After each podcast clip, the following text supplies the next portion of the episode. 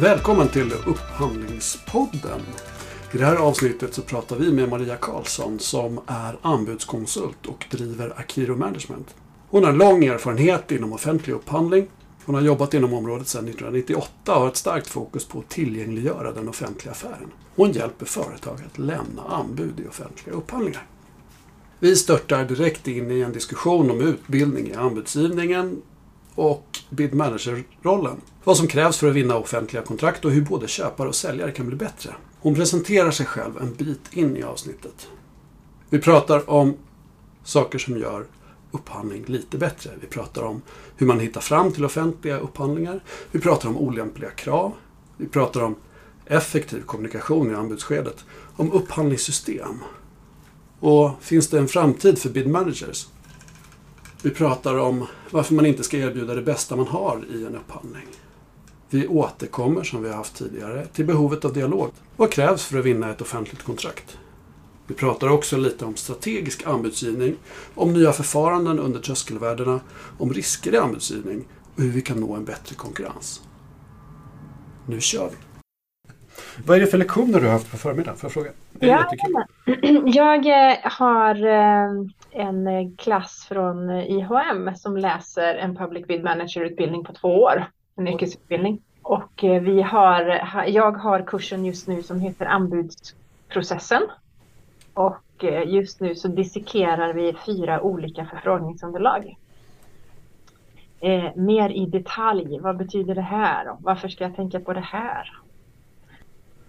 Alltså, jag blir lite nyfiken och jag förstår att det här är, är ju lite sådär men jag har precis suttit med, med mitt upphandlargäng här i morse och vi har börjat en, en, en riktning kan man säga mot, mot eh, kalla det mer kategoristyrt inköp. Då. Mm. Eh, och eh, min avsikt är ju att upphandlargruppen ska gå från upphandling till att, att jobba med sina kategorier mer strategiskt. Mm. Men det, vi återkommer ju alltid till upphandlingsfrågorna för hantverket är snårigt. Liksom. Mm. Eh, men min fundering nu när du bara nämnde det där, det är sådär, åh, kan inte du komma hit och, och utbilda upphandlarna i hur vi uppfattas? Ja, absolut. Har du såna, gör du sådana saker? Liksom? Har, har det, det, det, ska jag säga, det görs inte för att det är sällan som man blir insläppt. Jag hade Aha. önskat eh, och försökt få den typen av dialog för jag tror att det hade kunnat hjälpa till att överbrygga väldigt mycket eh, frågor. För att upphandlarna sitter ju med, med sina frågeställningar och, och, och skriver och, to, och, tolkar på sitt sätt och vi sitter på, eller som leverantör så sitter man på andra sidan och kliar sig lite i huvudet och funderar på varför gjorde man på det här sättet. Mm. Och där om man skulle kunna få, jag som får det från båda hållen lite sådär att ja, men hur skulle vi kunna göra för att, för att vi ska förstå varandra? För att det är ju mycket det det handlar om. Mm. Eh, det, det, är sällan någon gör någonting för att vara dum utan så som man skriver är ju så som man kanske tänker eller så som jag uppfattar. Men att det inte riktigt landar rätt utåt. Mm. Så att eh, det hade varit jätteroligt ju. så att, ja, men eh, så att vi har haft vi har haft roligt på morgonen här idag och de undrar och funderar och tycker att jag kommer med konstiga frågor. Finns det någon sån där särskild heads-up eller är det någon som är, är ny på området? Är det något särskilt som de studsar över som finns i... Är det, förlåt, är det skarpa underlag? Är det ja, något ja. som har funnits ute? Jajamän, det är skarpa underlag. Eh, jag har eh, hittat dem via, via olika kanaler. Eh, någon har jag fått från en av mina kunder. Sådär. Jag kan ju inte se typ förnyade konkurrensutsättningar och sådär kan inte jag se själv så då, då, har jag fått låna någon. Så. Eh, och, och, ja, man, man förundras ju över både, nu är ju de här eleverna, eh, har ju inte varit ute och jobbat utan de är ju, de är ju verkligen elever även om, vi är pendlar mellan 20 och 45 år. Eh, just den här snårigheten i att förstå vad det står. Att mm. också liksom vara med i de här tankarna kring, ja men när det står på ett sätt. Ja, vad betyder det och vilka frågor ska jag ställa till det här för att förstå? Mm. Eh, och det kan vara allt litet, litet till, till stort. Eh, både för att vi är, ja, vi är ju långt ifrån branschen men jag anser ju att som bildmänniska ska jag kunna vara i vilken bransch som helst. Mm. Eh, så att också förstå liksom, ja, men hur kan jag hur kan jag plocka ner en fråga? Hur kan jag plocka ner ett påstående till att bli begripligt eller till att jag ska kunna ställa en fråga kring det? Mm. Var det ett begripligt svar, Magnus? Absolut, ja, men det tycker jag är bra. Jag tänker på vi pratade tidigare med, med en, en gammal bekant som heter Magnus Josefsson. Mm. Och så pratade vi lite om, om um, skillnaden i att jobba som köpare och att jobba som, uh, ja, men som bidmanager eller som mm. anbudsgivare. Och um, hur det är en sak att, att liksom strukturera och rita upp en offentlig upphandling och det är något helt annat att, att vinna, ett, vinna upphandlingen. Ja, ja. Um, och, och, det där är jag ju lite nyfiken på. Vad är det som gör att man vinner? Liksom? För jag tror att man måste fatta lite olika beslut. Ja. Eh, ibland handlar det om ren och skär taktik naturligtvis. Eh, och det, det, är ju en sak. Eh, en annan sak är ju att, att, verkligen, verkligen göra vad jag kan för att förstå. Mm. Har jag inte varit där och pratat, har jag inte, har jag inte fått haft möjligheten att ha en dialog med myndigheten, då sitter jag ju helt med ett underlag där jag någonstans ska försöka tolka och fundera på hur kan jag få in det här i min verksamhet? Eller hur kan min verksamhet stödja det som myndigheten frågar efter? Mm. Eh, och många gånger så ser ju min verksamhet ut på ett visst sätt och vi levererar en viss typ av tjänst, en viss typ av, av produkt. Och kan jag anpassa den och vill jag anpassa den eller kan jag läsa underlaget på det sättet att jag tolkar det så att min produkt faktiskt fungerar. Mm. Eh, och här är det väl mycket av den delen där jag önskar att man hade haft mer pratstunder med myndigheten innan kanske det här underlaget är färdigt. För att få ja, men den här dialogen kring, ja, men förstår vi saker på rätt sätt? Eh, har det hänt någonting på vägen som gör att ja, men vi, vi levererar på ett annat sätt? Eller det här kommer om två, tre månader så skriver vi på det här sättet, ja då låser vi in oss och kan ni inte göra det ni önskar till exempel.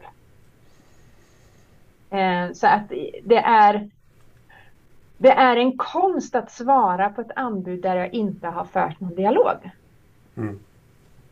Eh, jag behöver vara oerhört kreativ. Eh, på gott och ont. Välkomna till Upphandlingspodden. Idag har vi med oss Maria Karlsson som driver Akiro. Berätta om dig. Välkommen! Vem är Välkommen! Du? Vad kul att ha dig här. tack så mycket, tack så mycket. Det är jätteroligt att få vara här. Eh, ja, vad ska jag säga om mig Magnus? Eh, jag har ju suttit på leverantörssidan, eh, jobbat med offentlig upphandling sedan 98. Räkna inte, det är många år.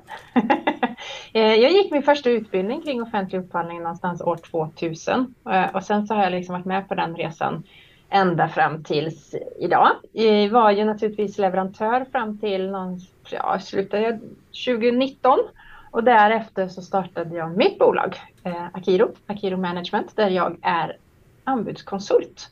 Och då stöttar företag i att svara på era fantastiska underlag. att lära oss att tolka dem, att veta vad vi ska svara på. Eh, det är en del av det. Eh, och sen tittar jag också på det här med organisation. hur ser vi ut som organisation? Vad, eh, vad gör vi mot offentlig sektor? Hur kan vi jobba med offentlig sektor?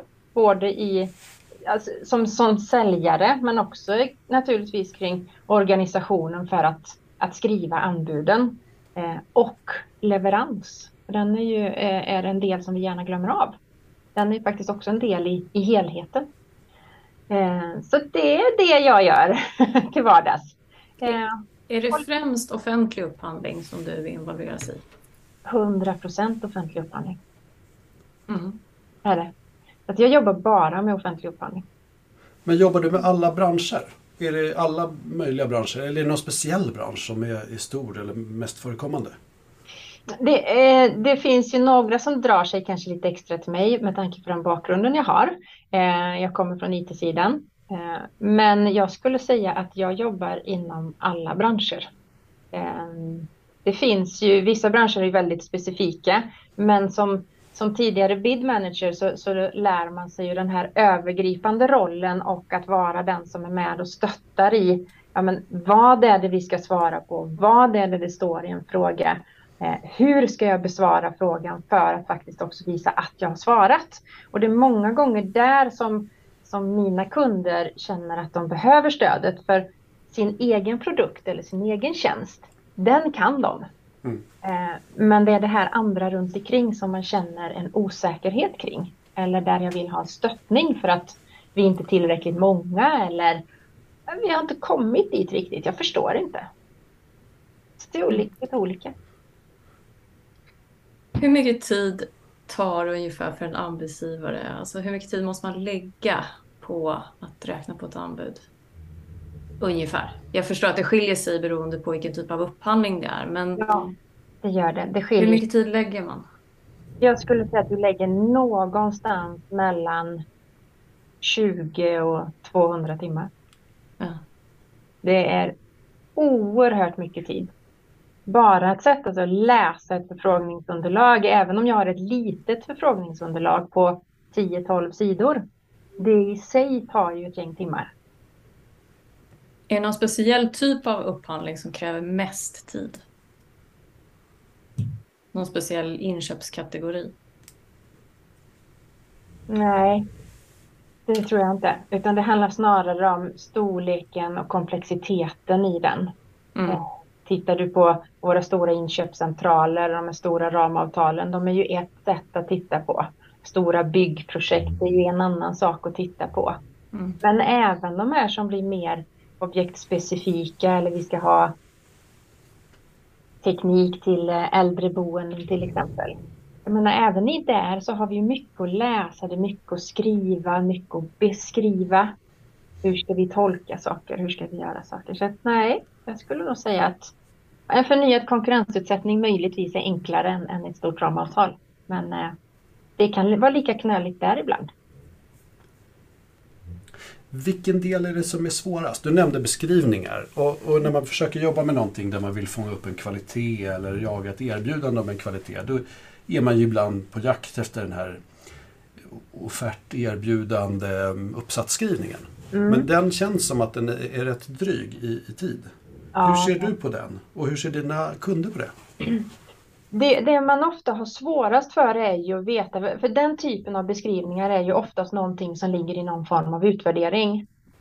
Eh, och det man tycker är svårast, som jag upplever, det är att vad är det jag verkligen ska få fram för att nå full poäng?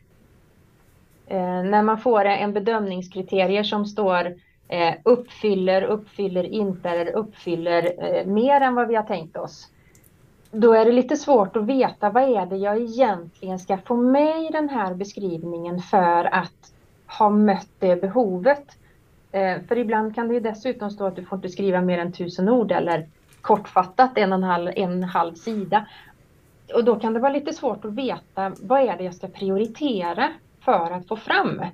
Många gånger har jag ju en beskrivning av hur min produkt och tjänst fungerar. Men den blir ju ofta ganska generell och här vill man ju mer komma ner till ja, men dig som kund. Hur ska jag få dig trygg i att jag har förstått vad det är du frågar efter? Och den texten kan bli, den kan bli lite svår. Kan det ha lite att göra med att eh, det presenteras otydligt vad själva den viktiga, den kritiska faktorn är? Är det Ja. så? Ja, men det är det. Alltså, eller, eller säg så här, vi har åtminstone, vi pratar tror jag olika språk och, och då får vi inte riktigt fram, jag som sitter och läser, jag har ju en text att läsa eh, och eh, du som upphandlare som har skrivit, du har texten du har skrivit men också ditt tänk. Och det är det tänket jag saknar. Mm. Den delen. Så att hade, hade jag lyckats få med mig tänket också, då kanske jag hade kommit närmare.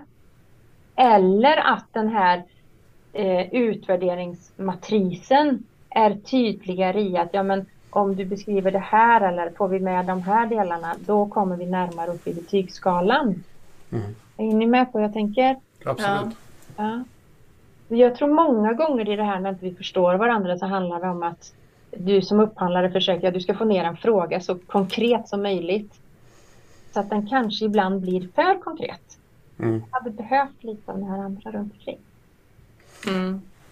Nej, precis. Och ibland så vill man ju kanske så inser man att man själv inte kan bedöma eh, toppkvaliteten inom ett område. Utan man vill gärna, i, även i upphandlingsskedet, klämma på vad kan marknaden leverera? Vad kan våra, våra tillfrågade leverera för någonting eller erbjuda för någonting? Mm.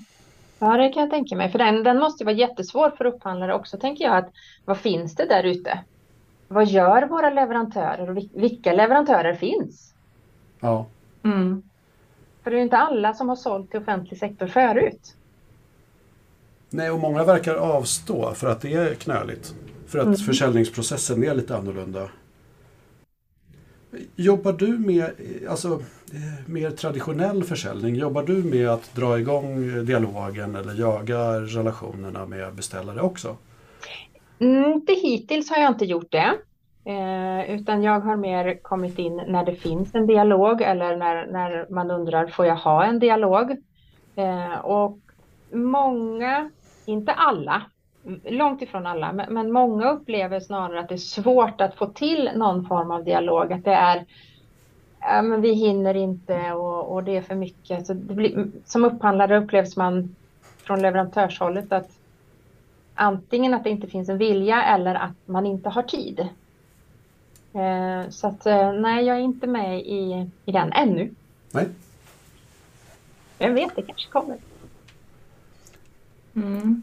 Tycker du att det är något problematiskt med dialog? Eh, eller är dialog alltid positivt? Dialog är alltid positivt. Alltid positivt. Är upphandlare rädda för dialog? Finns den kvar? Vi har pratat lite om det tidigare också och pratat om att, att det finns en risk eller en rädsla för att man kanske eh, tullar på lika behandlingen, det här med att ge eh, samma information till alla samtidigt och sådana saker. Jag tror att den kan finnas kvar som, som rädsla. Eh, men frågan är om det verkligen är det där skon klämmer. jag, jag undrar om det snarare handlar om pratar vi med, är det upphandlaren jag ska prata med eller finns det verksamhetschefer som kanske behöver ha information innan vi kommer till upphandlaren eller kanske både och? Och hinner upphandlaren med? Där tror jag snarare att jag märker idag att, att det oftare är att vi hinner inte. Sen kan ju det vara något man döljer sig bakom också, det vet jag inte. Men de upphandlare jag pratar med upplever jag vill ha dialog. Man vill prata, men att man kanske inte alltid hinner. Mm. Och många upphandlare säger också, men det är inte mig du ska prata med utan det är verksamheten du ska prata med. Och då blir det ju snarare hur ska vi få verksamheten att vilja titta bortanför det som jag har idag. Mm. Hur ska vi få verksamheten att, att orka och ha den tiden att också göra den här undersökningen kring var finns det andra att plocka in? Vad kan jag lyssna till? Mm. Som kanske är bättre än det jag har eller som kanske kan tillföra nya funktioner eller som bara kan se på att någonting kan fungera på ett annat sätt. Mm. Så att dialog, jag önskar nog kanske att man hade mer dialog och på ett riktigt annat sätt. Mm. Kan det vara så att man eh, inte ser just de här värdena? Man förstår inte vad kan vi få ut av en dialog utifrån beställarsidan utan man kanske ser det mer som någonting man gör för anbudsgivarna. Ja, kan vara, ja, det kan säkert vara så. Jag tror att man kan också kan vara rädd för den här, ja, men varför ska jag bli påverkad av någon annan? Eh, varför ska någon komma hit och sälja till mig? Jag vet ju vad jag vill ha. Jag vet vad jag har idag, jag vet vad som fungerar. Ehm, så att, ja, jag, som sagt, jag, jag, det finns nog en viss osäkerhet, men också tror jag tid. Har vi tid? Det tar ju väldigt mycket tid att prata. Mm. Och förstå. Men jag tror att i förlängningen så hade det gett oss, eh, det hade gett oss eh, utveckling. Eh, det ger oss nya leverantörer.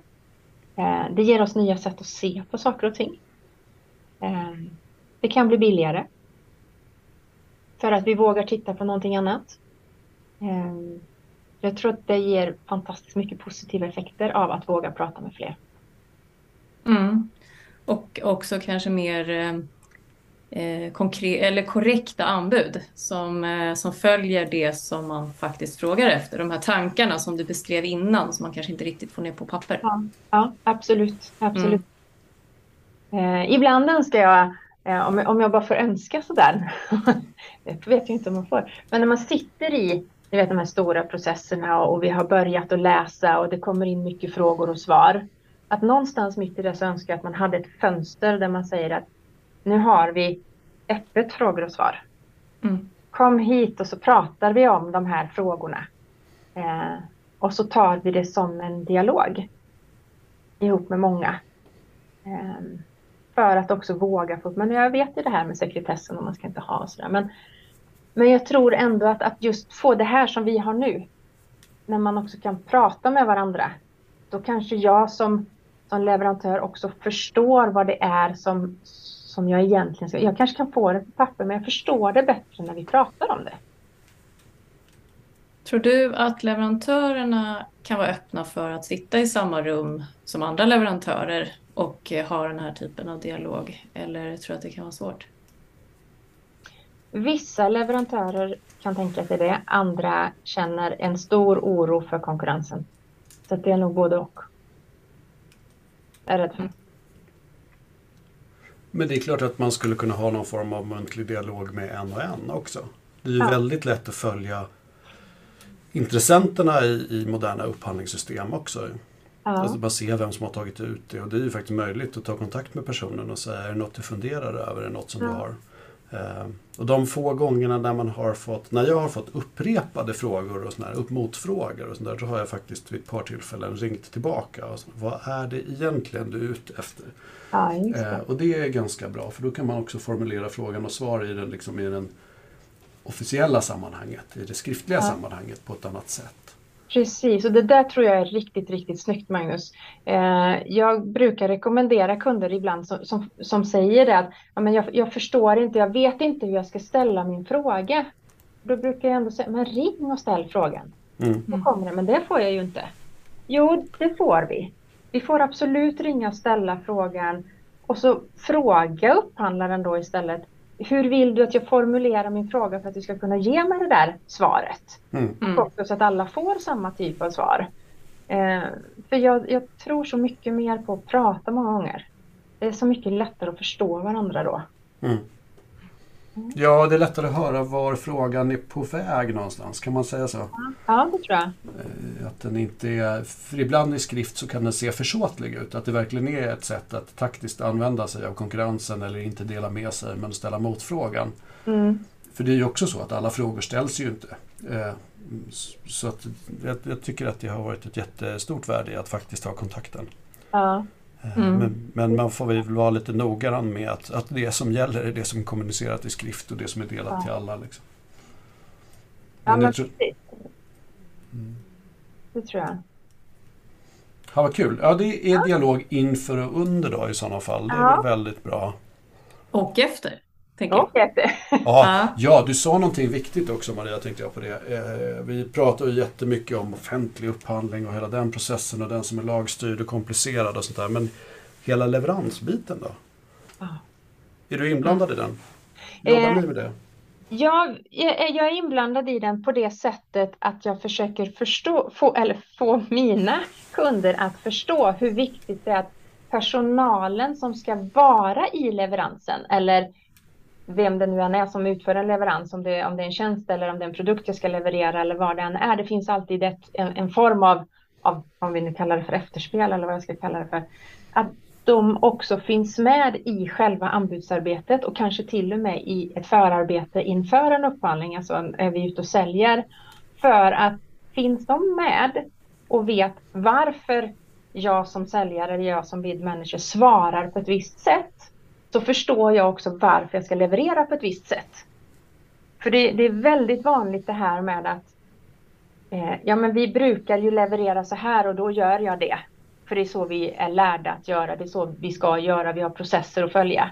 Men så har myndigheten ställt, ställt frågan på ett annat sätt vilket gör att vi behöver förändra vårt sätt att leverera. Och är vi då med hela tiden och, och får den insikten så blir ju också leveransen så fantastiskt mycket bättre.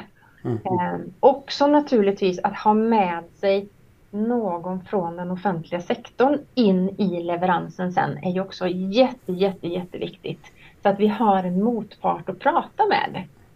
I, inte, jag vill inte ha den här som säger nej men du får inte prata med min verksamhet.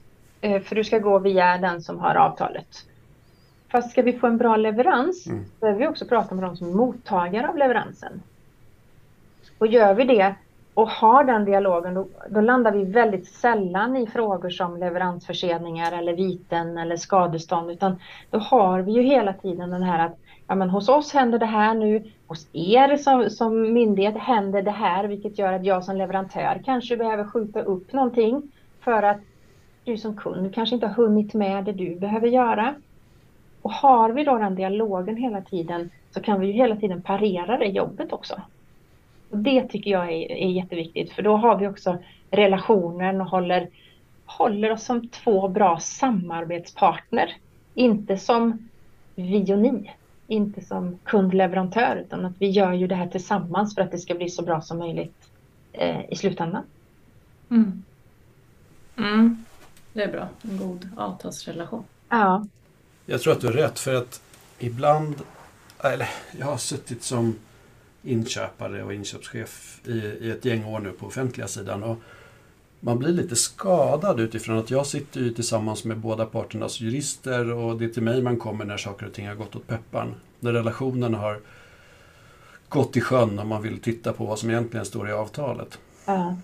Så det är ju ibland lite ledsamt att, att, att, att sitta i den rollen. Det är ju roligare att jobba med förbättringarna i avtalet och titta på leveransparametrarna och titta på vad vi, vad vi faktiskt kan lyfta och komma framåt i.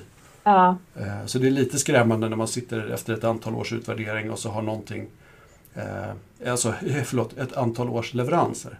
Och eh, någonstans så är man inte längre överens och så kommer man till mig och så, så börjar jag prata med leverantören och då blir det ofta en mer kreativ fråga. Ja, det, det, kan jag tänka mig. För just det här att, att våga prata med varandra oavsett om det går bra eller dåligt. För, för vad är bra och dåligt I, i den här relationen? Eh, alla försöker vi ju på ett eller annat sätt att göra någonting bra av den situationen som vi har och det avtalet som vi har. Och det är ju som du säger Magnus, vi vill ju inte landa i det här läget där du sitter med jurister för att lösa en tvist i ja, hur ska vi tolka det här avtalet för att vi har ju fortfarande en leverans som ska fungera. Och det, det, är ju den vi vill ha till att bli så bra som möjligt. Det finns ju en, en, det finns ju en användare någonstans längst bort i den här kedjan som kan vara mormor, farmor eller, eller barnen eller, eller eh, för den delen kommundirektör. Vem det nu. Men, och de är ju inte något behjälpt av att vi landar i, i, en juridisk diskussion efteråt utan här handlar det ju mer om att ja, men jag, vi vill ju verkligen få till den här bra leveransen. Det lyfter ju mig som leverantör också. Mm. Och mina medarbetare. Ja, men vi har ju gjort det här bra. Mm. Jag kan vara stolt över det jobbet som jag har gjort. Och det vill ju mina medarbetare ha.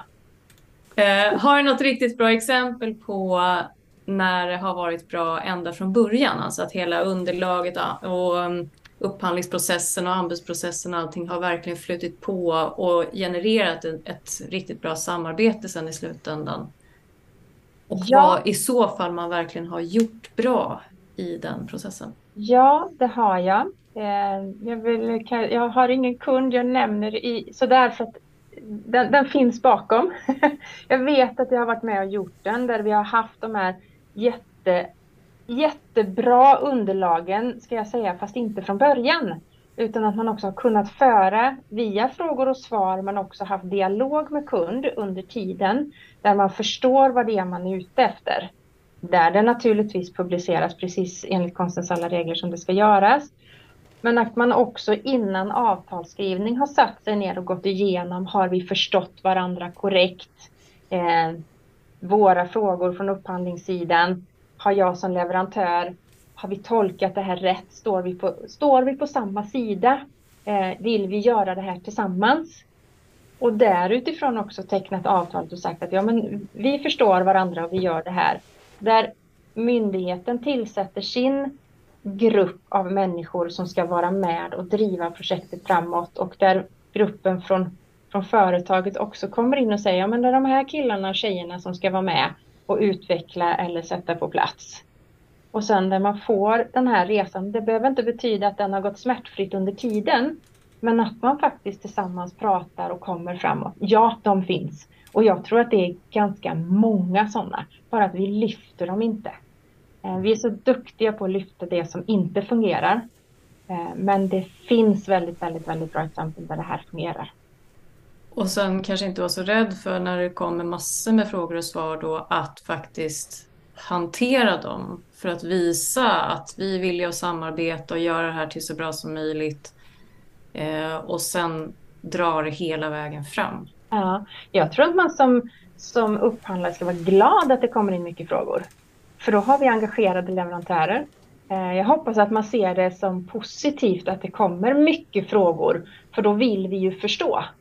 Eh, jag, där är jag rädd att man som upphandlare ibland tänker att åh, varför har jag fått de här frågorna? Åh, vad jobbigt och konstigt. Eh, men jag vänder på det och ser det som en nyfikenhet i att gud vad roligt att det är så många som ställer frågor. Här behöver vi ju verkligen hjälpa till så att man får lov att förstå.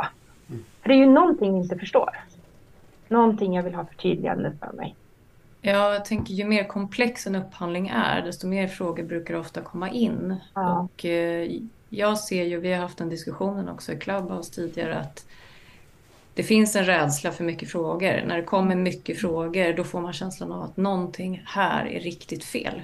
Okay. Ja. Eh, och där, där, precis som du säger, att man ska se det som en, en möjlighet istället när de här frågorna kommer. Eh, det tycker jag är viktigt att lyfta. Precis mm. som du säger att eh, det, är, det är inte dåligt att det kommer frågor utan det visar ju på ett intresse istället. Att man vill, få det till, man vill lämna ett bra anbud. Man vill förstå vad det är som är frågan på riktigt. Ja, och då engagerar man sig i det för att kunna ge någonting bra. Ja. Jag tycker att det ger en ganska bra mätare om, om det är något i underlaget som där man har tagit i på fel ställen eller där det verkligen finns en otydlighet. Eller där man testar ett eh, kommersiellt villkor som inte är riktigt gängse. Så brukar ju det rendera en massa frågor. Mm. Och det är rätt bra för att säga, så tidigt som möjligt i processen vill man ju veta om man är på väg åt fel eller rätt håll. Ja, det. det. är tråkigt att sitta med ett kontrakt sen där det, inte, där, där det blir omöjligt att efterleva det också. Ja, Ja, men visst. Och jag tänker också att eh, man vill ju så fort som möjligt, om det är så att det är allvarliga fel i underlaget, eh, så vill man ju så fort som möjligt kunna avbryta och göra om och mm. göra rätt. Eller, eller hitta vägar att justera det underlaget som finns och förlänga anbudstiden eller eh, bara svara på frågor så att det blir tydligt för de som ska lämna anbud sen och sådär. Mm. Så att man har, så att man förstår att mycket frågor behöver inte bara handla om att aha, det är mycket frågor, då måste vi göra om.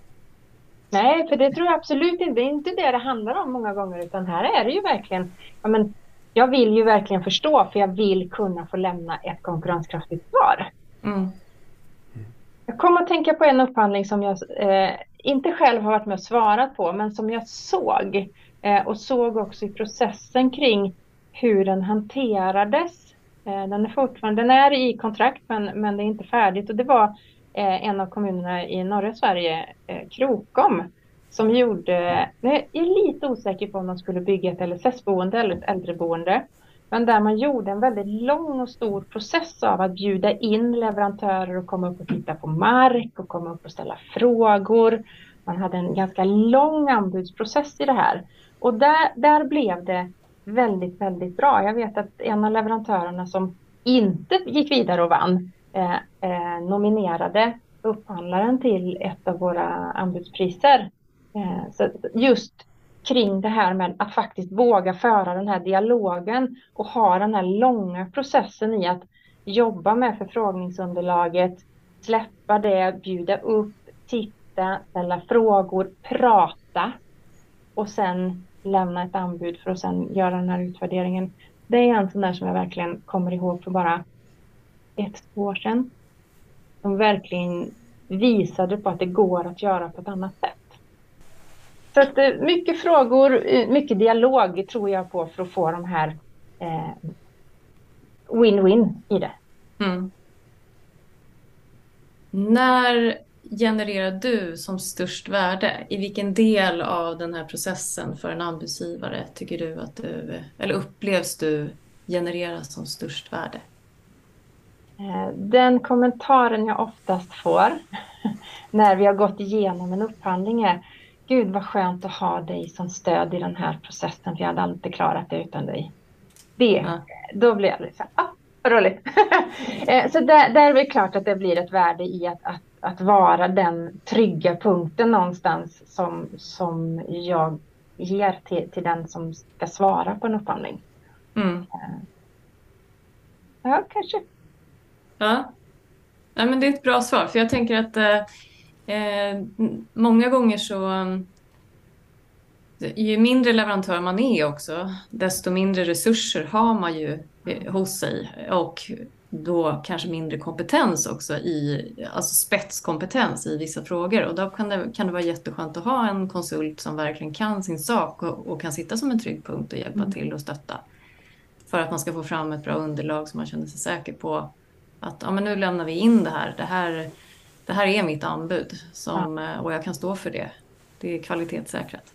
Ja, precis. Och någon som hjälper mig i de här systemen som vi ska skriva i och logga in i och hitta alla rubriker. Och, ja. ja, det också. Är ja. det knöligt att lämna anbud i anbudssystem? Eller Nej. i upphandlingssystem ska jag säga. Nej. Nej. inte om du frågar mig så är det ju inte det. Eh, men kommer jag som ny så tycker jag ju att det är jättesvårt. Mm. För jag är inne och jag hittar dokumentationen och jag kan läsa den och sen när jag väl ska börja svara så kommer det ju upp en, ett kryssruta där och en, en extra dokument där som jag inte har sett förrän jag faktiskt ska påbörja min inlämning. Och då, där blir många jättestressade. Och det här, oh, har jag ens läst om det här? Eh, så att, ja, men, men eh, jag tycker inte det är svårt. Eh, och det är väl bra, tänker jag. Men rent formatmässigt då, tycker du att man som alltså att offentliga upphandlare använder systemen på rätt sätt? Eller tycker du att man krånglar till det eller kanske inte använder systemen fullt ut för att göra det så enkelt som möjligt för anbudsgivarna? Var kan, var kan upphandlare bli bättre någonstans när det gäller den, den tekniken? Eh, ja, även där så tror jag att det handlar om att, att man som upphandlare behöver förstå systemet. Eh, många gånger när man kommer in och så svarar på alla de här frågorna Eh, du behöver inte svara på ESPD men, men ändå blir ESPD ett krav till exempel för att jag ska kunna gå vidare. Så det handlar nog mycket om att, att också sätta sig som upphandlare och veta att okej, okay, men om jag säger att ESPD inte är ett krav, då, då behöver jag hitta den bocken som gör att den inte är ett krav, till exempel. Men de allra flesta idag tycker jag nog använder systemen mer och mer fullt ut. Eh, det är mer elektroniska dokument, det är mer den typen att svara i än att använda systemet och så lägga upp ett externt dokument som jag ändå måste ta, plocka ner och svara i och ladda upp. Eh, så jag tycker nog att, att, vi, att det blir enklare och enklare på det sättet. Mm. Ja. Mm. Sen är det ju alltid en osäkerhet när man sitter där och tittar på sin dator och jag har 18 bilagor. Har jag laddat upp 18 bilagor? När det ser ut som att jag har 20, varför har jag det? Ja. För att det genereras någonting från systemet. Men just den här delen, det är också en del i det att ha, ha den kollen. Ja, precis. För ibland glöms det någon bilaga. Aha. Eller att det läggs in fel, fel bilaga. Eh, och det är ju synd. Och då gäller det som upphandlare att förstå att här har det blivit något knas. Och jag kanske kan komplettera eller be, begära in en komplettering på det här. Men vissa saker går ju tyvärr inte.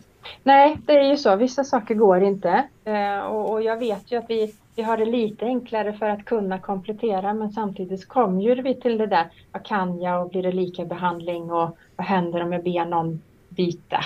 Så att där har vi ju fortfarande en, en kontrollgrej från oss som leverantörer. Har jag lagt in rätt bilaga på rätt ställe? Mm.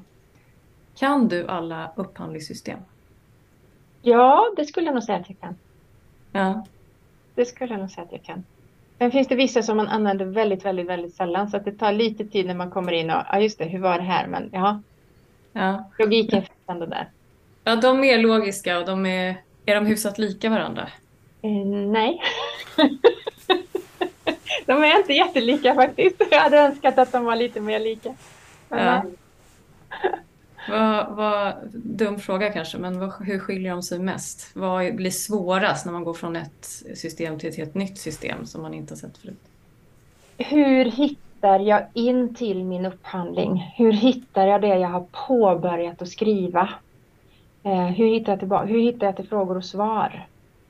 Mm. Sådana saker kan vara skillnad. Eh, har vi gjort, eh, eh, ni vet när vi gör upphandlingen i två steg, selektivt eller sådär emellanåt. Eh, när man då kommer vidare till nästa steg. Ja, hur hittar jag det? Det kan vara svårt att ta sig till. För då Ja. behöver jag alltid utgå från en länk egentligen för att komma rätt. Eh, Så den kan vara lite klurigare faktiskt i, i våra system att hantera. Ja. Men men annars är det så här, vart klickar jag? Och just det, den här, ja. Kanske en uppmaning då till systemägarna, Ja, eller vad man kallar det för, de som skapar systemen, att eh, ge bra instruktioner till Ja. anbudsgivare också. Ja. ja, absolut. Absolut. Det skulle behövas, jag tror det skulle behövas lite utbildning ibland i eh, lägga ut lite fiktiva upphandlingar eh, som man får testa och svara i. Mm. Tänker jag även eh, på, på er säger jag, som upphandlare att ibland kanske faktiskt lägga ut en testupphandling för någon som kan ligga öppen. Ja, men hur, hur, hur går det till? Vad är de vanligaste frågorna? Kan vi gå in och leka i den här så att jag får så, så säg att jag får en ny kund, ja, men gå in och titta på den här upphandlingen. Här kan vi liksom testa och jobba oss fram med hur fungerar det här systemet. Det är en jättebra idé. Det- Ja. ja. Från upphandlarsidan, att Ja. eh, ha någon liten dummy som, eh, som anbudsgivarna kan testa i. Ja, precis. Så ser du att ja, nej, men här svarade du fel. Jaha, hur skulle jag ha svarat här? Ja. Ja. Men jag kan ju också vara lite frustrerad över det, eh, säga, som använder och köper systemen. Att eh, konsumentappar idag är ju otroligt intuitiva. Det är ju Mm. jättetrevliga gränssnitt och väldigt begripliga länkkombinationer. Och så UX är en egen, ett eget eh, liksom, yrkesområde. Så där. Alltså användargränssnitt och eh, så. Eh, men men eh, affärssystem och Ehm, offentliga kommunikationssystem är ju, alltså, lämnar lite att önska i den förutsebarheten. Och processerna är ju rätt, alltså de är ju de samma. Rent juridiskt så är ju processerna de samma i alla upphandling. Liksom. Ja. Måste- Ja, jag kan hålla med dig där. Vad ska vi göra med dem så att de gör dem sådär smarta? Smarta och trevliga och attraktiva. Så man vill liksom skicka in sina anbud och berätta, kika vad finns på marknaden? Vad är det för någon som vad efterfrågar den offentliga sektorn just nu? Ja. I den här regionen där jag finns. Appen vill veta din plats. Tillåt. Det hade varit snyggt. Tillåt en gång. Ja, just det. Den hade varit bra. Den måste jag ta med mig. Vem kan vi få göra om den på det här sättet? Ja, Ja, precis. Nu har vi sålt till egen affärsidé här. Precis. ja det är bra. Mm. Snyggt Magnus. Men eh, ställde jag frågan till dig. De som är nya, de som kommer till dig, är det företag som är vana att leverera till offentlig sektor eller är det sådana som är nya? Och vad undrar de som är nya? Eh, Jag har kunder av båda sorterna skulle jag säga. Jag har de som är nya och jag har de som har jobbat med offentlig upphandling under lång tid. Eh, också de som anser att de borde ha jobbat med offentlig upphandling under lång tid men som på ett eller annat sätt har tappat vägen eh, och, och känner sig nästan lite skamsna. Du behöver väl inte tala om att du jobbar med oss för, för vi vill inte att någon ska veta att vi är så dåliga på det här. Eh, och det är också spännande. Och jag, det, det är kompetensutveckling tänker jag och vi kan alltid bli bättre och det händer alltid en massa saker så att vi behöver förnya oss ibland. Eh, de nya som kommer, eh, där handlar det väldigt mycket om en nyfikenhet. Vad är det här? Eh, hur ska jag kunna sälja till offentlig sektor? Är offentlig sektor intresserad av mina produkter? Och sen naturligtvis, hur gör jag då? Vart ska jag ens leta? Hur ska jag hitta en upphandling överhuvudtaget? Men du hjälper alltså leverantörer att faktiskt hitta upphandlingar. Så här, Hej, vi vill lämna anbud i offentliga upphandlingar. Kan du hjälpa oss att hitta rätt? Ja, det gör jag. Eh, och ibland så, så hjälper jag till att vara ute och leta aktivt och säga att ja, men här finns en upphandling. Alternativt så kommer man till mig och säger du, jag har hört att det finns en upphandling. Kan du hjälpa oss att se om det stämmer?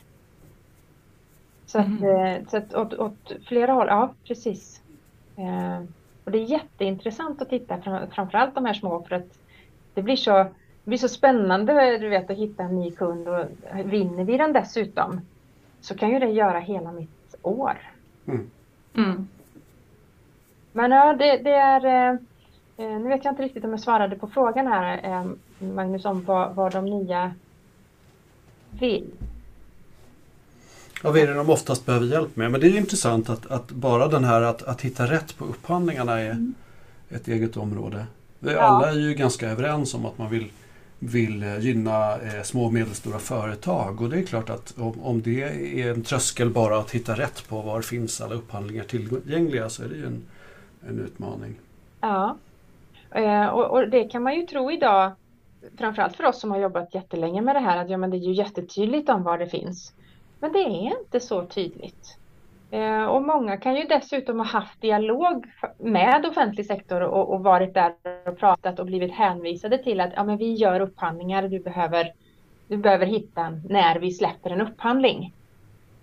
Och, och den frågan i sig blir ju ganska stor för jaha, när, när, när släpper du den då eller hur ska jag hitta den när den väl kommer? Mm. Och då kan man hitta mig och säga kan du, kan du hjälpa oss och se hur, hur ska vi göra? Var ska vi börja någonstans? Finns det något enkelt sätt för leverantörer att förstå att den här upphandlingen passar min verksamhet och min storlek på företag och eh, det vi, vi vill? Finns det något enkelt sätt eller måste du gå in i underlaget och läsa? Du måste in i underlaget och läsa. Du kan få den övergripande bilden i, många gånger av att okej, vi är i rätt område.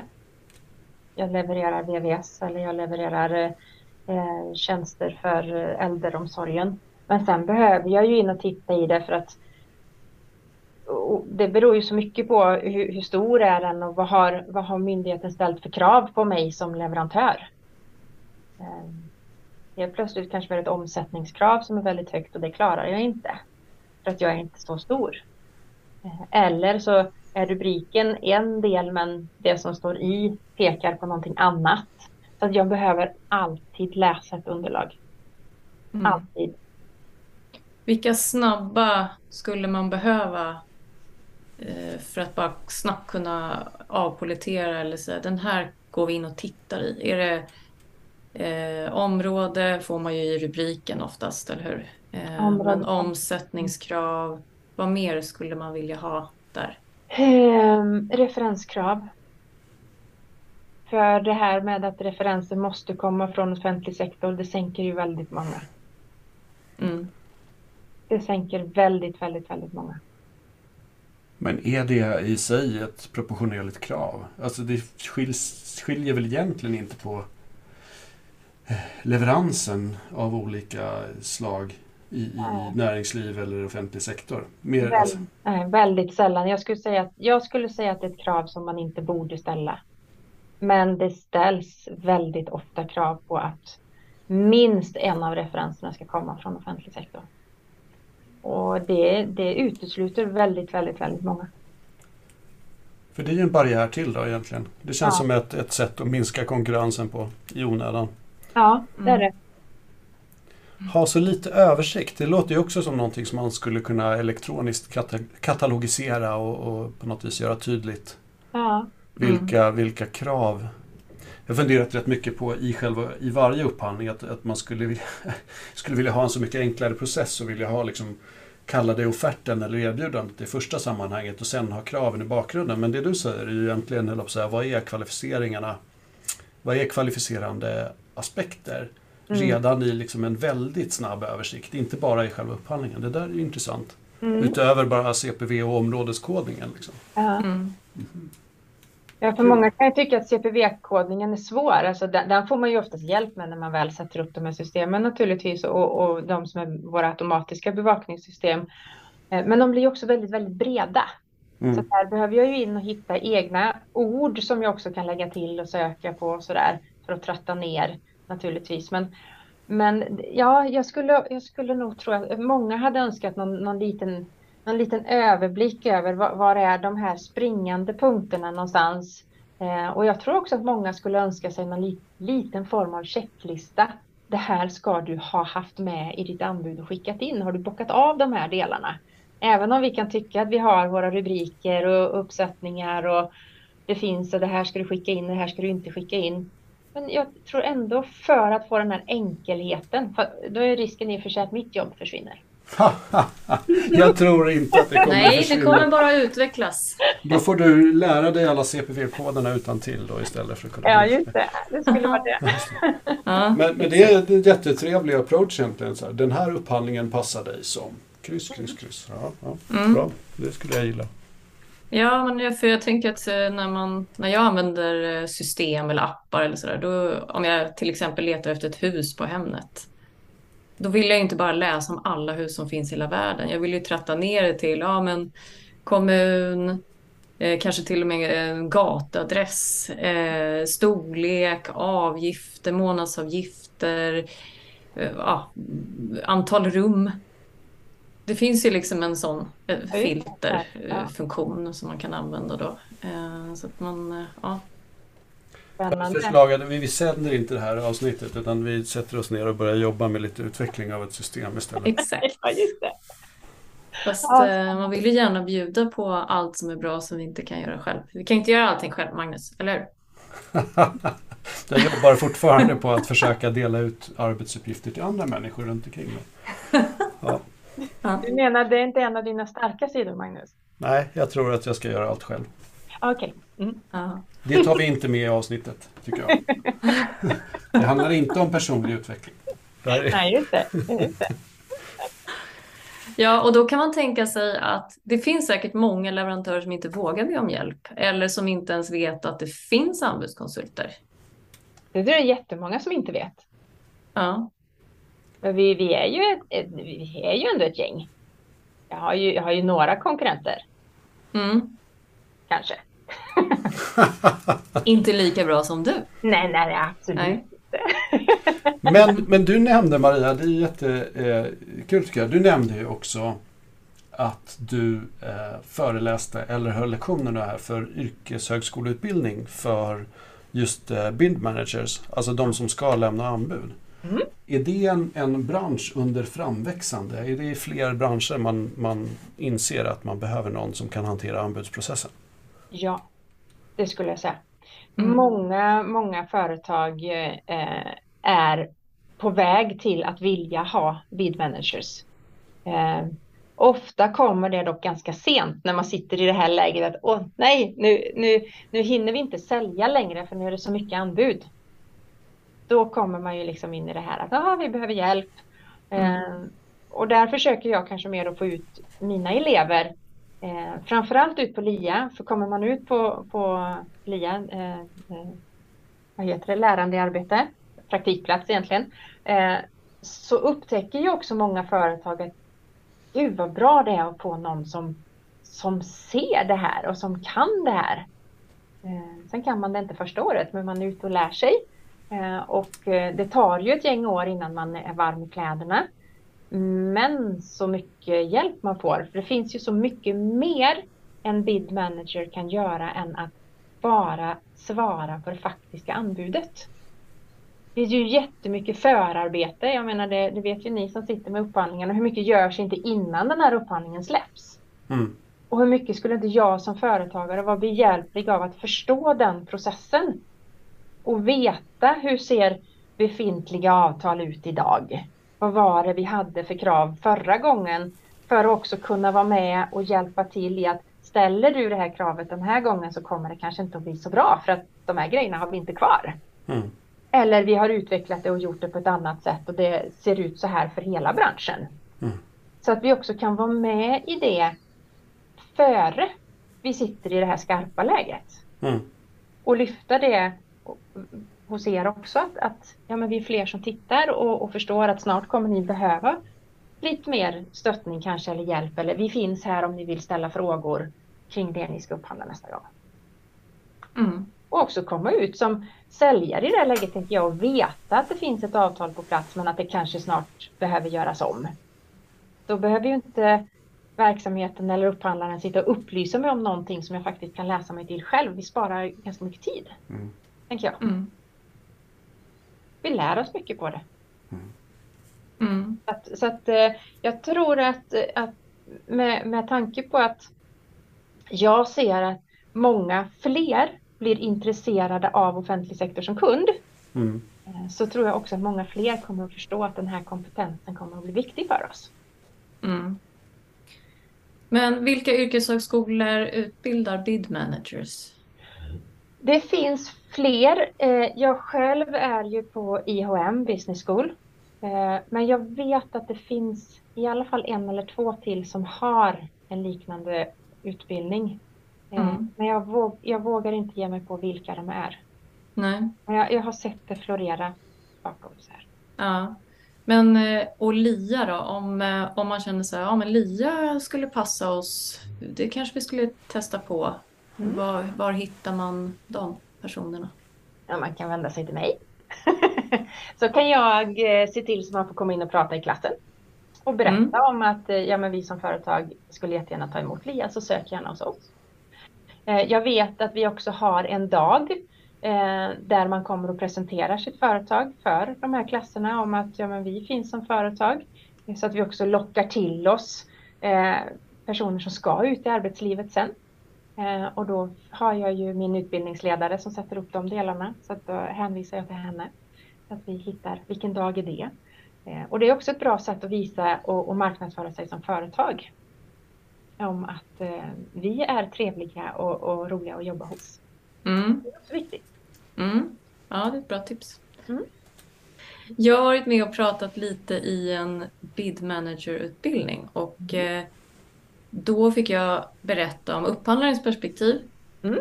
Det var jätteintressant. Jag skulle prata i 20 minuter men det blev lite längre än så. Och där... Eh, jag tyckte att det var kul att få och bra framförallt att få presentera det som en upphandlare faktiskt vill. För det är just det som du sa precis i början, att det är så svårt att formulera allt det man har i huvudet. Det ska vara så konkret i koncisa ord och svårt att få ner tankar och målsättningar och vad är det vi vill egentligen med det här. Och sen finns det också delar i upphandlingar som man som upphandlare inte kommer ifrån. Alltså det här måste vi gå igenom. Och sen tänker man när anbuden kommer in, varje gång, varför? varför är, blir det så här varje gång? Jag försöker styra och kontrollera eller beskriva liksom, det här är viktigt, men ändå varje gång blir det så här. Och då, eh, jag tyckte att det kändes som viktigt att få förklara varför man ställer vissa frågor på vissa sätt mm. och hur viktigt det faktiskt är att en anbudsgivare svarar på det som frågas efter mm. och inte en massa annat. Nej, och den, den har jag med mig i, nu kör jag ett gäng olika kurser på, på den här utbildningen eh, där jag har en, en delkurs som heter anbudskommunikation där vi faktiskt plockar upp väldigt mycket av det här med kring men, eh, hur skriver jag? Hur svarar jag på en fråga? Mm. Och vad är det som går igenom? Vad är det som inte går igenom någonstans? För, för det är så himla lätt. Just det här med, vi pratade om det här med leverans förut. Att ja, men vi brukar ju leverera på det här sättet. Också där tror jag det är när man svarar på en fråga. Man är så inne i sitt eget om hur vi normalt sett gör och hur det också blir troligtvis bäst för dig som kund. Och då svarar jag utifrån det, för det är ju så här vi gör, det är ju så här vi vet att det fungerar, det tar minst tid, det kommer att gå, det blir så himla bra. Och så tänker man inte på att du har ställt frågan på ett annat sätt. Jag har mm. eh, min svåger, eh, han, han kom till mig vid ett tillfälle och så säger han så här, men Maria, den här kunden, de har ställt frågor på den här och den här och den här och den här produkten. Lite mer detalj, varpå jag svarar, med det här. För att jag vet att det har en längre livscykel, det blir billigare för dem. Alltså vi har bara positiva saker. Och jag får inte ens vara med i utvärderingen. Nej, så jag, det fick du ju inte. Det var ju ganska tydligt att inte du fick. Ja men förstår de inte? Förstår inte du, säger han då. Precis, de vet ju inte vad de frågar efter. De vill Nej. egentligen ha någonting annat. Ja, ja. Och, och det, det här är, det är ganska klassiskt i det här med att jag sitter som leverantör på ny information som ingen har förmedlat. Eh, och där, där missmatchar vi många gånger för att leverantören gör det inte av ondo utan för att jag ser någonting annat som du troligtvis hade mått bättre av. Eller det blivit ett bättre resultat. Och här tänker jag att här hade man ju verkligen varit betjänt av en dialog. Ja. Då kanske de här förslagen hade kommit upp på bordet och upphandlaren hade kunnat forma sin upphandling kanske för att öppna upp för nya idéer ja. på ett annat sätt. Det här med eller likvärdigt hade ju räckt. Mm. Så hade vi varit troligtvis hemma. För han var ju billigast också. Så att han hade ju fått det om det hade varit på rätt sätt. Men ja, det, ja. det är just det här med där, där, tror jag, för, för det är som du säger, det är många som inte svarar på frågan. Eh, och helt klart så gör man det inte av ondo utan för att jag ser att du får ett bättre resultat. Mm. Och där önskar jag att vi kunde komma lite längre. ja. Och då behöver vi börja prata med varandra. Mycket! Mycket! Jag är nyfiken på men det kanske är också din yrkeshemlighet, så du kanske inte vill svara. Men vad gör att man vinner en upphandling? Hur vinner man ett kontrakt? För jag kommer ju inte till dig som kund och säger så här, men jag vill, vill att du ska hjälpa mig att delta i upphandlingen. Det är ju så här, ja ja. Men utan jag vill ju komma till dig och så säga så här, Maria, kan du hjälpa mig? Jag vill ju vinna det här kontraktet. Det skulle förändra min vardag. Liksom. Mm. Ett så måste jag förstå vad det är jag levererar och att vi är på samma bana. Eh, jag, jag, måste veta att jag kan leverera det som kunden frågar efter.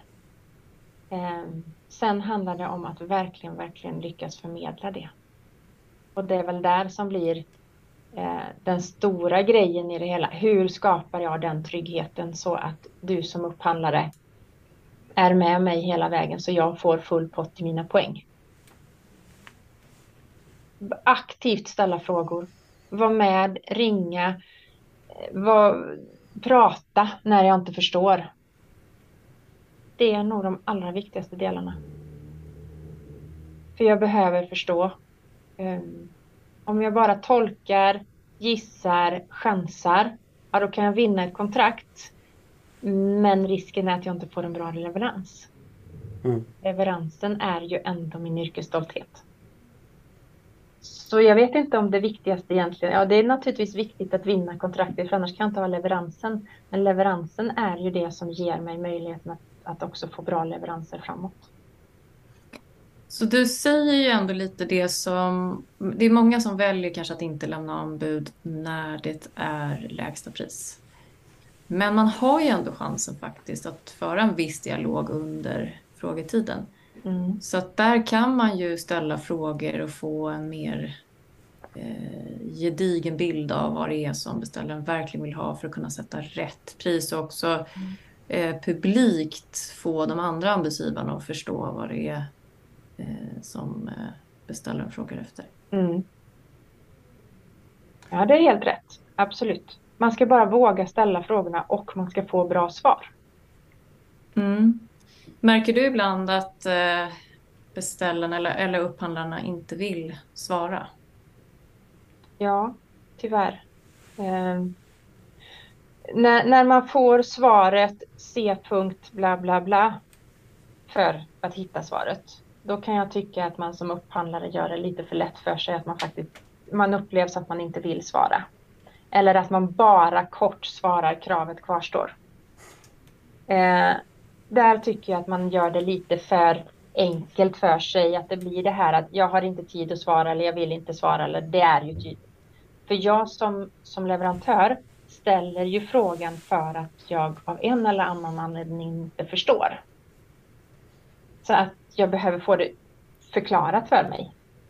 Mm. Så där kan jag uppleva att, att, eh, att man inte riktigt vill svara. Och vad det beror på, det, det vågar jag inte genom, genom jag vågar inte chansa på det. Men... Nej, men kan man säga så då kanske som en uppmaning till upphandlare att när man får en sån fråga som man känner att ja, men de har bara missat att mm. hitta mm. det här kravet som vi har ställt i underlaget. Så jag vill bara peka på en punkt. Det står här i mm. UF, bla bla bla. Eh, så istället för att göra så, så ringer man och frågar vad är frågan egentligen? Ja. Är det någonting annat bakom? Ja. Lite som Magnus sa tidigare, att man ringer upp och pratar. Ja, det skulle jag nog säga för att om det är så uppenbart att svaret finns någon annanstans så tror jag ändå att det finns, som du säger, en annan fråga bakom. Det här som du tycker att du har svarat på någon annanstans, det är inte ett svar för mig. För, för den är inte kopplad till det jag frågar efter. Sen kan det ju naturligtvis vara som så att, att, att det är så, jag har missat den. Men oftast så ligger det någonting annat bakom. Det är ju någonting som jag inte förstår. Även om jag har läst den andra texten. Mm. Så ja, prata är jättebra. Mm. Sen förstår ju jag att man kanske inte alltid hinner med det heller. Men, men jag, tycker, jag, jag tror att vi hade kommit mycket, mycket längre. Jag tycker att det finns olika ytterligheter av det där. Jag ärvde ett kontrakt som i sig såg ut på ett visst sätt. Där det såg ut, det var en ganska tydlig eh, kommersiell uppgörelse som var uppbyggd på ett visst sätt. Eh, och jag fick frågan utifrån en tolkning och hur vi skulle använda det i en, i en viss situation. Och sen gick jag igenom hela batteriet av frågor och svar under anbudstiden. Och där såg jag det omvända. Att den som var upphandlare där hade varit så ivrig i att svara på alla frågor. Så kontraktet hade liksom till sin natur tagit en helt annan vändning när upphandlingen väl var klar. Och där kunde jag tänka att där kanske man skulle ha städat lite eller backat tillbaka och sagt att det kanske inte är lämpligt med den här modellen som vi går ut med. Eller vi kanske borde ha gjort något annat eller haft en tydligare strategi när vi, innan vi väl körde det. För det var rätt bökigt att tolka och det gav en helt annat utrymme. Liksom. Eh, så. Ja, det är ju inte heller bra när det blir på det sättet. Men jag är lite nyfiken på, eh, vi pratar om höll säga, ganska trevliga aspekter. Vi pratar om lite eh, kvalitetsutvärdering och möta varandras frågor och beskrivningar och kanske också kundanpassa en, en beskrivning. Eh, och sådär. Men någonting som jag är lite nyfiken på, det är strategisk anbudsgivning. Särskilt mm. i lägsta prisupphandlingar. Mm. Har ni några tankar om det båda två? Alltså varukorgsupphandlingar med felaktiga viktningar eller ja, ni, ni, förstår vad jag menar. Det vill säga när man går in med ett anbud som ser eh, ja, som är lite överlagt, lite väl taktiskt. Kan man säga det? De förekommer nog ganska ofta, kanske, så kanske jag inte ska säga. De, de förekommer. ja, det var inte meningen att sätta dig i dålig dagar utan det är mer så här, jag tänker att det blir ju också en del av att faktiskt vinna ett kontrakt. I vissa sammanhang så är modellen kanske inte riktigt perfekt. Och den kanske är i den bästa av världar där alla bygger på sunt förnuft och och någon slags eh, eh, resonemangsmässig eh, vettighet, liksom, inte ett skarpt affärscase, skulle ha ett visst utfall. Men när man väl prövar det där och där det är viktigt för någon att vinna det där så blir prisbilden lite skev när det väl ska tillämpas. För det tänker jag är ju ibland en vinnare att gå in med ett, ett strategiskt anbud. Absolut, det är det. Eh, det finns många anledningar till ibland att man väljer att vara strategisk. Det ena är ju att, att man ser hur saker och ting viktas. Där jag kan tolka att okej, okay, vänta nu. Vilka, vilka summor vet jag är säkra för mig? Vilka är osäkra? Vilka vet jag att jag kommer att få, andra inte? Alternativt, ja men vänta nu, titta, hur, hur har man tänkt här? Vi vet att på den här bilden så kommer det att vara mycket tid. Men den viktas inte alls lika högt som mitt eh, ursprungsinförande till exempel eller ursprungsprodukten. Där kommer jag ju alltid att börja leka med siffrorna och vilken siffra vill jag få ut i slutändan? Var lägger jag det? Okej, okay, hur slår det här utvärderingsmässigt? Absolut, jag har sett upphandlingar där man har haft en prisbild som inte utvärderas alls eh, överhuvudtaget för att man som myndighet tänker att ja, men det här är ju det här är något som vi måste ha, det ligger lika ungefär hos alla. Så sätter någon ett jättehögt pris där för att det utvärderas inte och den här och den hade vi missat och det är egentligen den posten som är den springande punkten. Då kanske jag lägger noll på allt det andra för jag vet att här får jag hem jättemycket pengar. Mm. Mm. Så att ja, det här finns. Eh, hur kan man göra som upphandlare då för att bli bättre och inte hamna i de situationerna?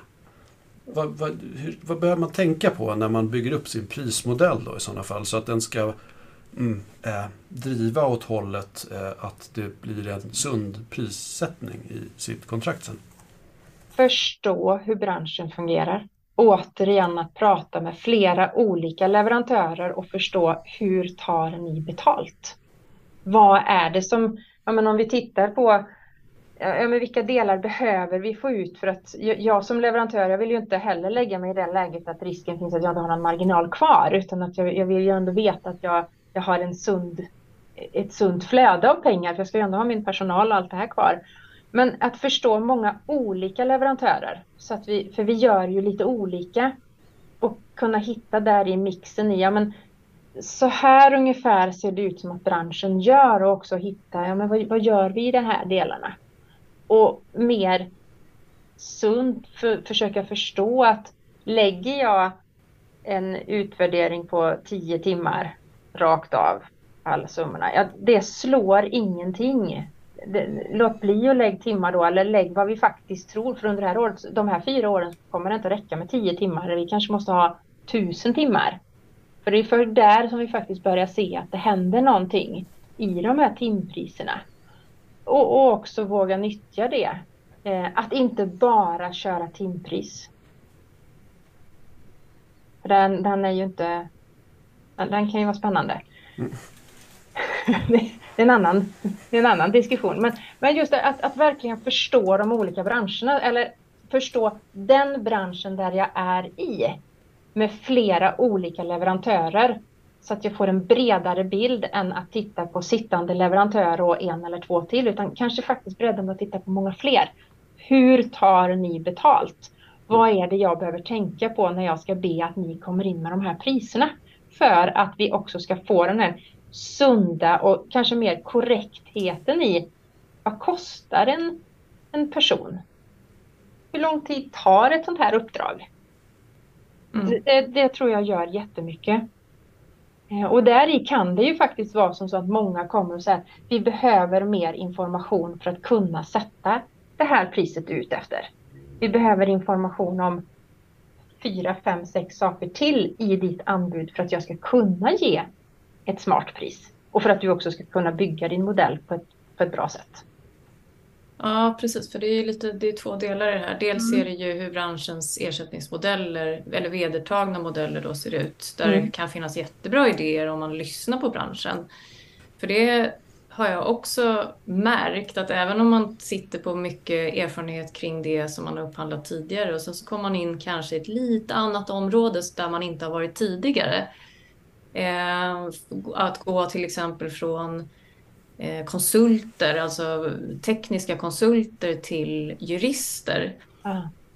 Bara en sån fråga där juristerna kanske också rör sig inom samma område som konsulterna gör egentligen. Ah. Men de är jurister som har lite andra ersättningsmodeller. Så kan man, man kan få jättemycket bra tips från dem hur de jobbar i andra avtal och vad de tycker är bra modeller utifrån beställarens perspektiv. Alltså vad som mm. kan ge eh, kostnadseffektiva lösningar. Mm. Sen eh, det här andra du säger med, ja men om du säger att det bara är tio timmar. Det är klart att när man ska räkna på ett anbud så måste man ju vara smart. Mm. Om man vill vinna upphandlingen så ska man ju lägga priser som är dels konkurrenskraftiga men det måste ju också finnas de vinstmarginalerna man behöver för att inte gå omkull. Och då tänker man att de timmarna Eh, där, man har, där beställaren har sagt att ah, men det här kommer vi bara köpa tio timmar av i vickningen. Då måste ju det någonstans spegla verkligheten och lägga ett jättehögt pris då på de tio timmarna så måste det ju någonstans vara så att ja, men som beställare tänker jag att vi kommer köpa så lite av det här så vi är beredda att betala ett högre pris för de här tio, tio timmarna. För det kommer ändå inte påverka så mycket. Det är ändå bara tio timmar. Det mm. som verkligen påverkar är de här 150 000 timmarna som vi kommer behöva köpa. Mm. Och det är där man behöver tänka till. Vad är det i min modell som är viktigt mm. för mig? Och då sitter jag som leverantör och så tittar jag på det där som du har sagt, de där 100 50 000 timmar och tänker vad är det du har missat där i som jag vet att du kommer att behöva köpa vid sidan av? ja, precis.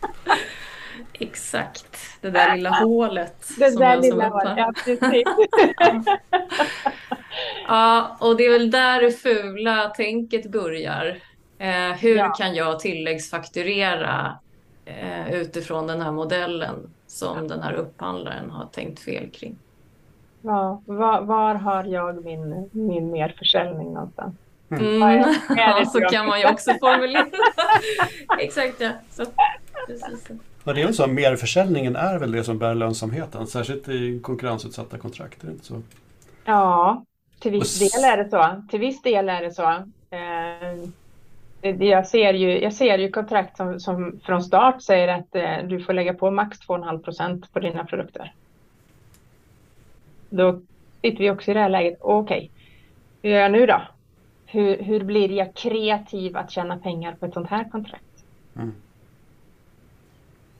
För någonstans så handlar det ju också om som upphandlare. Dels så sitter man ju inte, man kan inte förutse alla scenarier, allt som kommer uppstå under en relation eller en leveranssituation.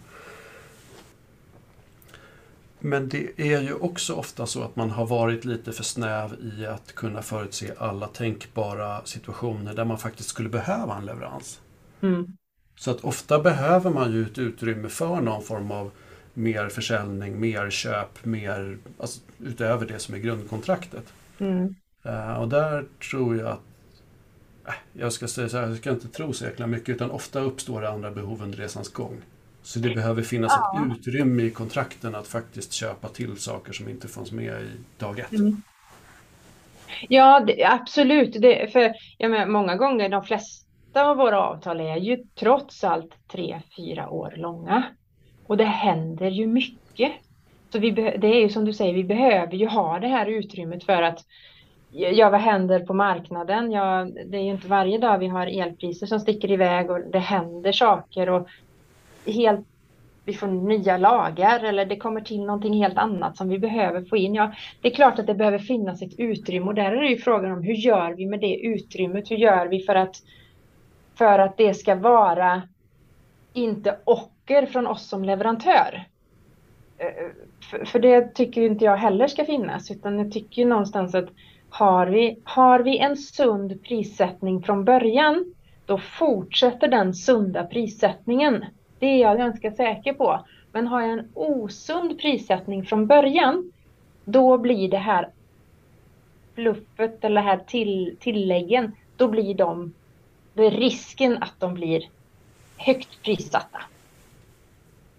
För att jag behöver ta hem, jag behöver ta hem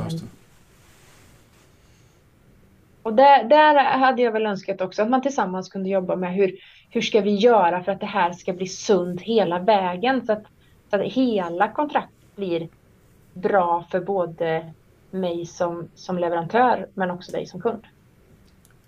Och i slutändan mina skattepengar. Är det, eh, använder vi förhandlingssammanhanget för sällan? Ja. Det är sällan jag ser att det används. Tittar vi på, på våra, eh, våra upphandlingar under tröskelvärdet där vi faktiskt ändå helt har möjlighet att förhandla så skulle jag säga att alltså, alltså, det är få, extremt få där jag ser någon form av förhandling. Mm. Till och med så att nu efter de nya reglerna att, att jag ser att det finns de som skriver in aktivt att jag inte får förhandla. Oj. Mm som, som eh, vi nu ska skriva om våra egna, egna förfaranden, att, att man aktivt för in att det här förfarandet medger inte förhandling. Och det är ju jättesynd. Mm. Är det en kvarleva tror du från, från gammalt? Man använder sig av ett gammalt förfarande och gamla formuleringar i de eh, dokumenten som man har och så följer det bara med. Kanske. För det är ju synd. Eh, och, och där tycker jag eh, förhandling kan ju, kan ju handla om så mycket annat än pris. Det finns ju så mycket annat som vi faktiskt kan förhandla om. Och, och jag tror att hade vi nyttjat den delen, ja igen så är vi ju i en bra dialog. Så att ja, använd förhandling så mycket det bara går. Jag skulle bli jättelycklig om jag såg mer sånt.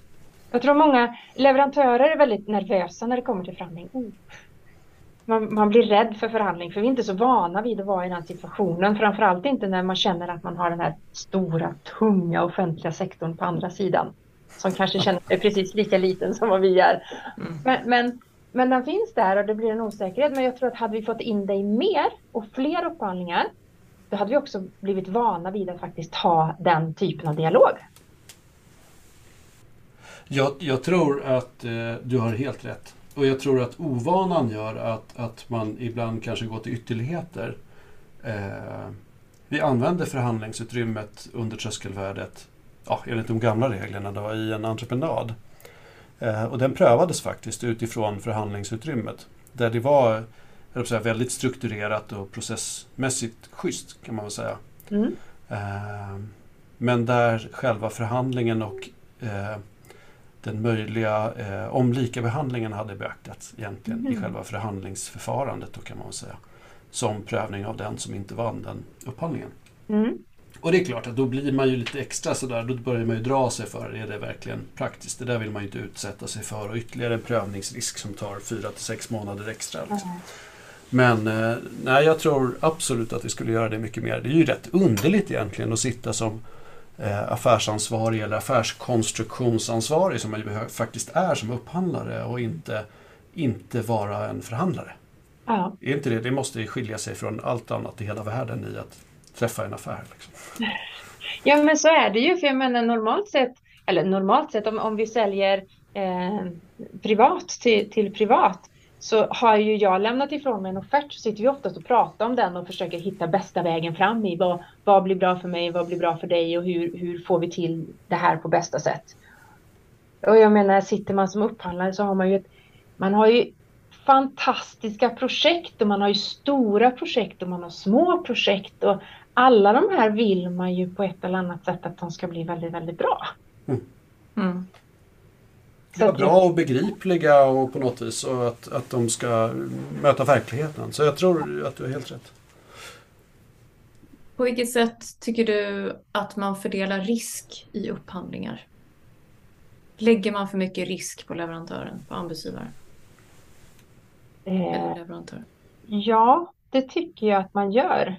Eh, av den... Jag tycker sällan att det finns en tvåvägskommunikation i den risken som finns. Eh, att, att risken är från, från, från eh, myndighetens sida att jag har varit för vag eller för tajt i mina krav så att jag får svar utifrån vad jag naturligtvis har skrivit. Eh, vilket gör att jag som leverantör kan sitta och se vad finns bakom det jag kan hämta hem. Men börjar vi titta på avtal där jag har viten och skadestånd kopplat till leveransförseningar.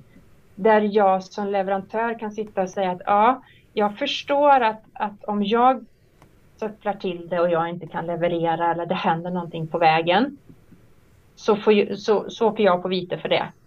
Men vad händer om du som upp på upphandlarsidan eller på myndighetens sida inte levererar det du ska till mig i tid så att jag kan leverera i tid. Vad får jag för skadestånd då? Och hos mig ska jag bara många gånger acceptera att du säger ah, nej men sorry, ni kan inte börja eh, om två veckor. För, eh, vi, vi kan börja först om tre månader för, för vi har inte personal. Ja, då står jag här och tar Ja, okej. Jag skulle ha börjat om två veckor. Ja, nu måste jag få in nya jobb för att kunna gå runt. Och dessutom jobben som jag har planerat om tre månader, de måste jag putta bort. För först då kan vi komma till dig. Det, där tycker jag att vi har en stor, det blir en missmatch i det. Mm. Eh, och, och den vet jag inte riktigt hur vi ska, hur vi ska jobba med. För, för jag är ju oftast, eller kanske helt beroende av att du finns på plats. Mm. Och finns inte du på plats, så nej, då, då får jag vänta med mitt helt snällt. Mm. Den, den, den delen tycker jag är, är, är snedfördelad. Mm. Det, det är en del av det. Eh, andra risker, alltså jag behöver ju som leverantör alltid sätta mig ner och fundera på vad har jag för risk med att svara, framförallt kanske i dessa oroliga tider. Vad har jag för risker i att svara med att jag måste köra på ett visst drivmedel och jag måste ha fasta priser under hela avtalsperioden. Ehm, jag har, ja vi ska leverera komponenter men komponentbristen är så stor så att det är en osäkerhet och även om vi påtalar den osäkerheten så blir det ändå ganska stopp från vissa upphandlare som säger ja men det, det ska levereras. Fast vi globalt kan titta på att vi förstår att det inte det går många gånger. Så att här i kanske att fasta priser i fyra år. Ja, det är svårt att förutse hur det ser ut om fyra år. Mm. Svårt att se hur, en, eh, hur lönekurvorna ser ut, vad händer i världen. Ja, så att ja, man lägger, man lägger stor risk på en leverantör. Eh, men samtidigt så blir ju egentligen risken för upphandlarsidan att jag inte finns kvar. För att risken blir för stor eller, eller att man helt enkelt inte får svar. Vi kan inte svara idag. Mm. Risken är för stor. Så riskbedömningen är någonting vi pratar väldigt mycket om just nu. Mm. Mm. Ja, men den är ju aktualiserad på ett sätt som kanske inte det har varit under de goda, bekväma åren Nej. i vår del av världen. Mm. Um, så, så, det tror jag absolut. Nej, det är stor skillnad idag. Det är stor skillnad idag kontra för, om vi säger före pandemin i alla fall. Då pratade vi inte risk på samma sätt som det görs idag. Idag är det högt på agendan. Mm. mm är det. Mm. Ja, och i, i liksom någon slags ideal eh, konkurrenssituation kan man väl säga då, som är balanserad så har ju risken en, en tydlig prislapp. Och då ja. blir det ju tydligt vilken, vem som äger vilken risk av parterna och ja. vad den kostar. Liksom. Ja. Och vem som är bäst på att hantera den. Mm. Så den är väl bra. Men om man om, omvänt då, jag tänkte skulle du kunna ge några tips till en upphandlare för att få in många, för att bredda konkurrensen, för att få in många och konkurrenskraftiga anbud? Mm. Uh, ja, en del är att dela upp upphandlingarna. Uh, många upphandlingar blir väldigt stora. Uh, och kan man dela upp dem så att vi får med oss fler aktörer, fler av de här mindre aktörerna som faktiskt skulle vara, ja, de blir ju både mer lokala men också skulle vara väldigt behjälpliga av den här typen av, av kontrakt. Där tror jag att man skulle få många fler att svara. Eh, vi pratar ju ofta om att vi kan använda oss av samarbetspartner, underleverantörer och sådär. Men är jag inte van vid att svara, då ser jag ju bara den här stora upphandlingen som jag inte kan ta mig an. Så att jag tror att om vi skulle våga tratta ner dem lite grann. Eh, handlar måleri för sig och rörläggning för sig eller vad det nu än kan vara. Ja, det blir jättejobbigt för, för kommunen eller myndigheten för det blir många kontrakt. Men kanske också att man skulle få eh, ja, fler bra, sunda leverantörer med rätt, mer, mer rätt prissättning. Tycker jag. Det är en del i det. Eh, en annan del är ju det här med krav. Eh, att ställ inte för detaljerade krav utan att i så fall i alla fall hjälpa till att öppna upp för alternativ. För det är också en sån sak som gör att många väljer att inte svara.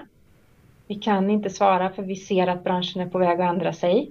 Vi kan inte svara för vi har precis ställt om.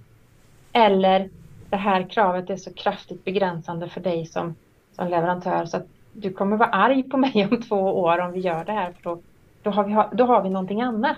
Då kan vi mm. inte ändra. Så även där tror jag att det skulle göra mycket att, eh, att man vågar liksom öppna upp lite grann. Men då menar du alltså krav på leveransen, inte krav på leverantören i sig? Utan ja, precis, att man ställer för hårda krav i, eller för strikta krav och tydliga krav som man sedan inte har möjlighet att ändra. Ja, precis. Men också, också krav på leverantören, om vi backar till det här som vi pratade om förut, det här med referenserna till exempel. Mm. Att, in, att inte kräva att de ska vara offentliga. Mm. För helt plötsligt så öppnar vi upp för en helt annan marknad. För många, många, många fler leverantörer. Mm. Många, många fler. Och där kan man ju då som upphandlare tänka till lite. Vad är det egentligen vill åt? Om jag ställer krav ja. på att de ska ha referenser hos offentlig verksamhet. Är det egentligen att de ska ha utfört verksam eller utfört den här leveransen i en verksamhet där det finns barn till exempel. Ja. Är det det som är...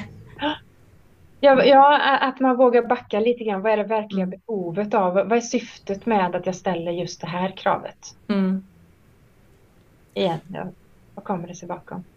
Och du formulerade tidigare tycker jag, det är kanske ett lite misshandlat begrepp, men du sa trygghet. Och jag tänker som köpare så är man ju ofta ute efter, och när jag sitter som upphandlare gentemot mina beställare också, så tycker jag att det ofta handlar om att, att hitta en leverantör som vi tror på så pass mycket som kan leverera och sen så antingen kan utveckla sin leverans eller åtminstone är så stabil att vi kommer att kunna bära fram vår egen kvalitet.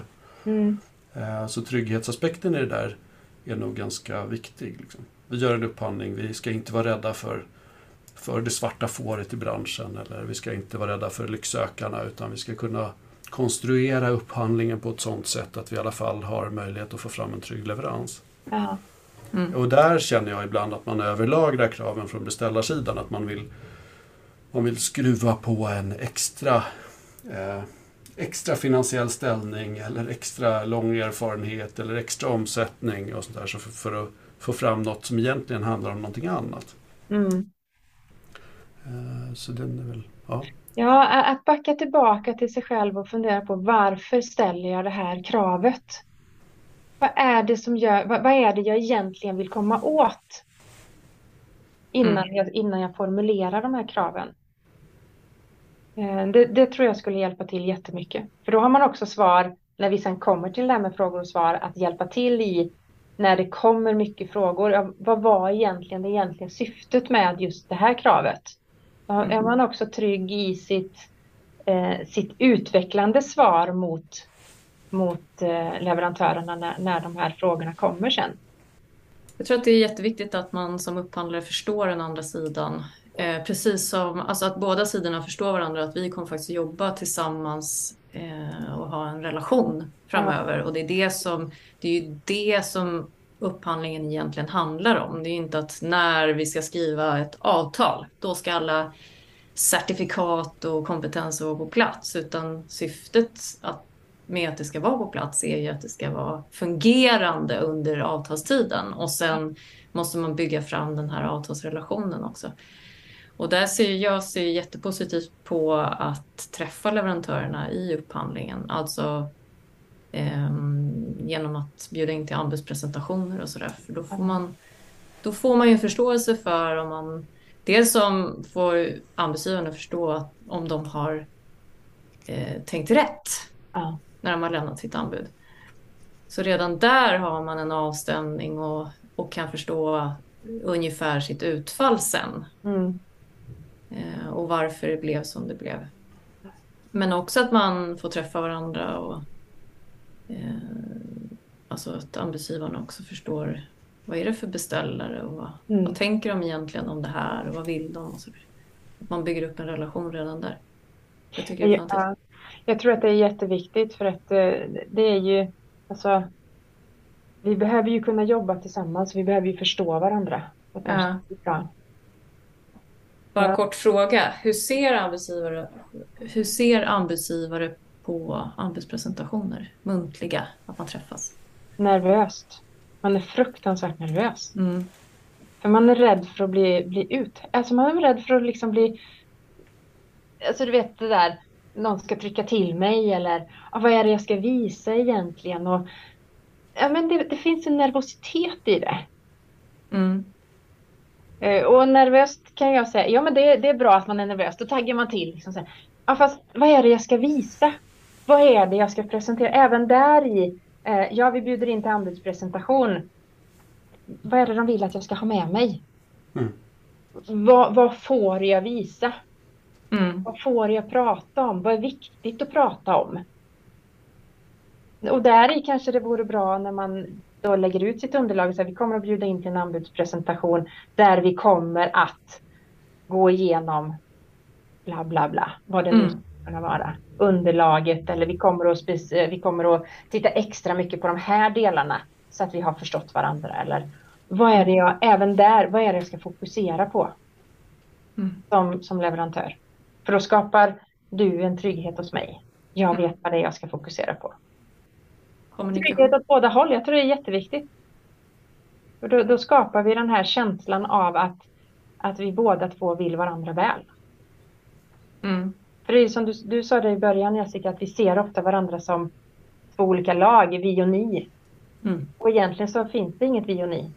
För att vi som leverantörer ska leverera till offentlig sektor för att använda sig av våra egna skattepengar. Alltså, vi har ju, vi har ju ett hjul i det här som ska fungera. Ja, och vi är beroende av, av eh, leverantörssidan för att kunna leverera själva. Så det är ju ofta en integrerad del av vår leverans. Ja. Så att eh, det är nog viktigt att i, i, i leveransen och framdriften se oss som del av samma lag, det tror jag. Ja, jätteviktigt. Utan att tappa spänningen i affärsrelationen förstås. Ja. Stort, Stort tack Maria! Tack. tack för att jag fick komma. Jättetrevliga diskussioner tycker jag. Mycket bra information till både anbudsgivare och upphandlare. Och att du också får visa att du finns. Hur får man tag i dig? Ja, hur får man tag i mig? Hemsidan akiromanagement.se. Eh, där finns jag. Mail maria akiromanagement.se. Enkelt. Toppen. LinkedIn, det sa du förut Magnus. LinkedIn, där finns jag också. Och där kommer ju du med en del tips ibland också. Mycket bra ja, tips. Försöker jag. Det försöker jag. Jag försöker lägga in mycket tips i där hur, hur vi ska kunna ta oss framåt på det enklaste sätt. Mm. Och där får man jättegärna vara med och kommentera och skriva och fråga. Jag ska göra vad jag kan för att svara. Tack för att du lyssnat. Finns det saker du skulle vilja höra mer om eller någon du kanske tycker att vi ska intervjua så hör av dig till oss på lyssna.upphandlingspodden.se ett särskilt varmt tack till Erik Stridell på Bybrick som komponerat Upphandlingspoddens jingel.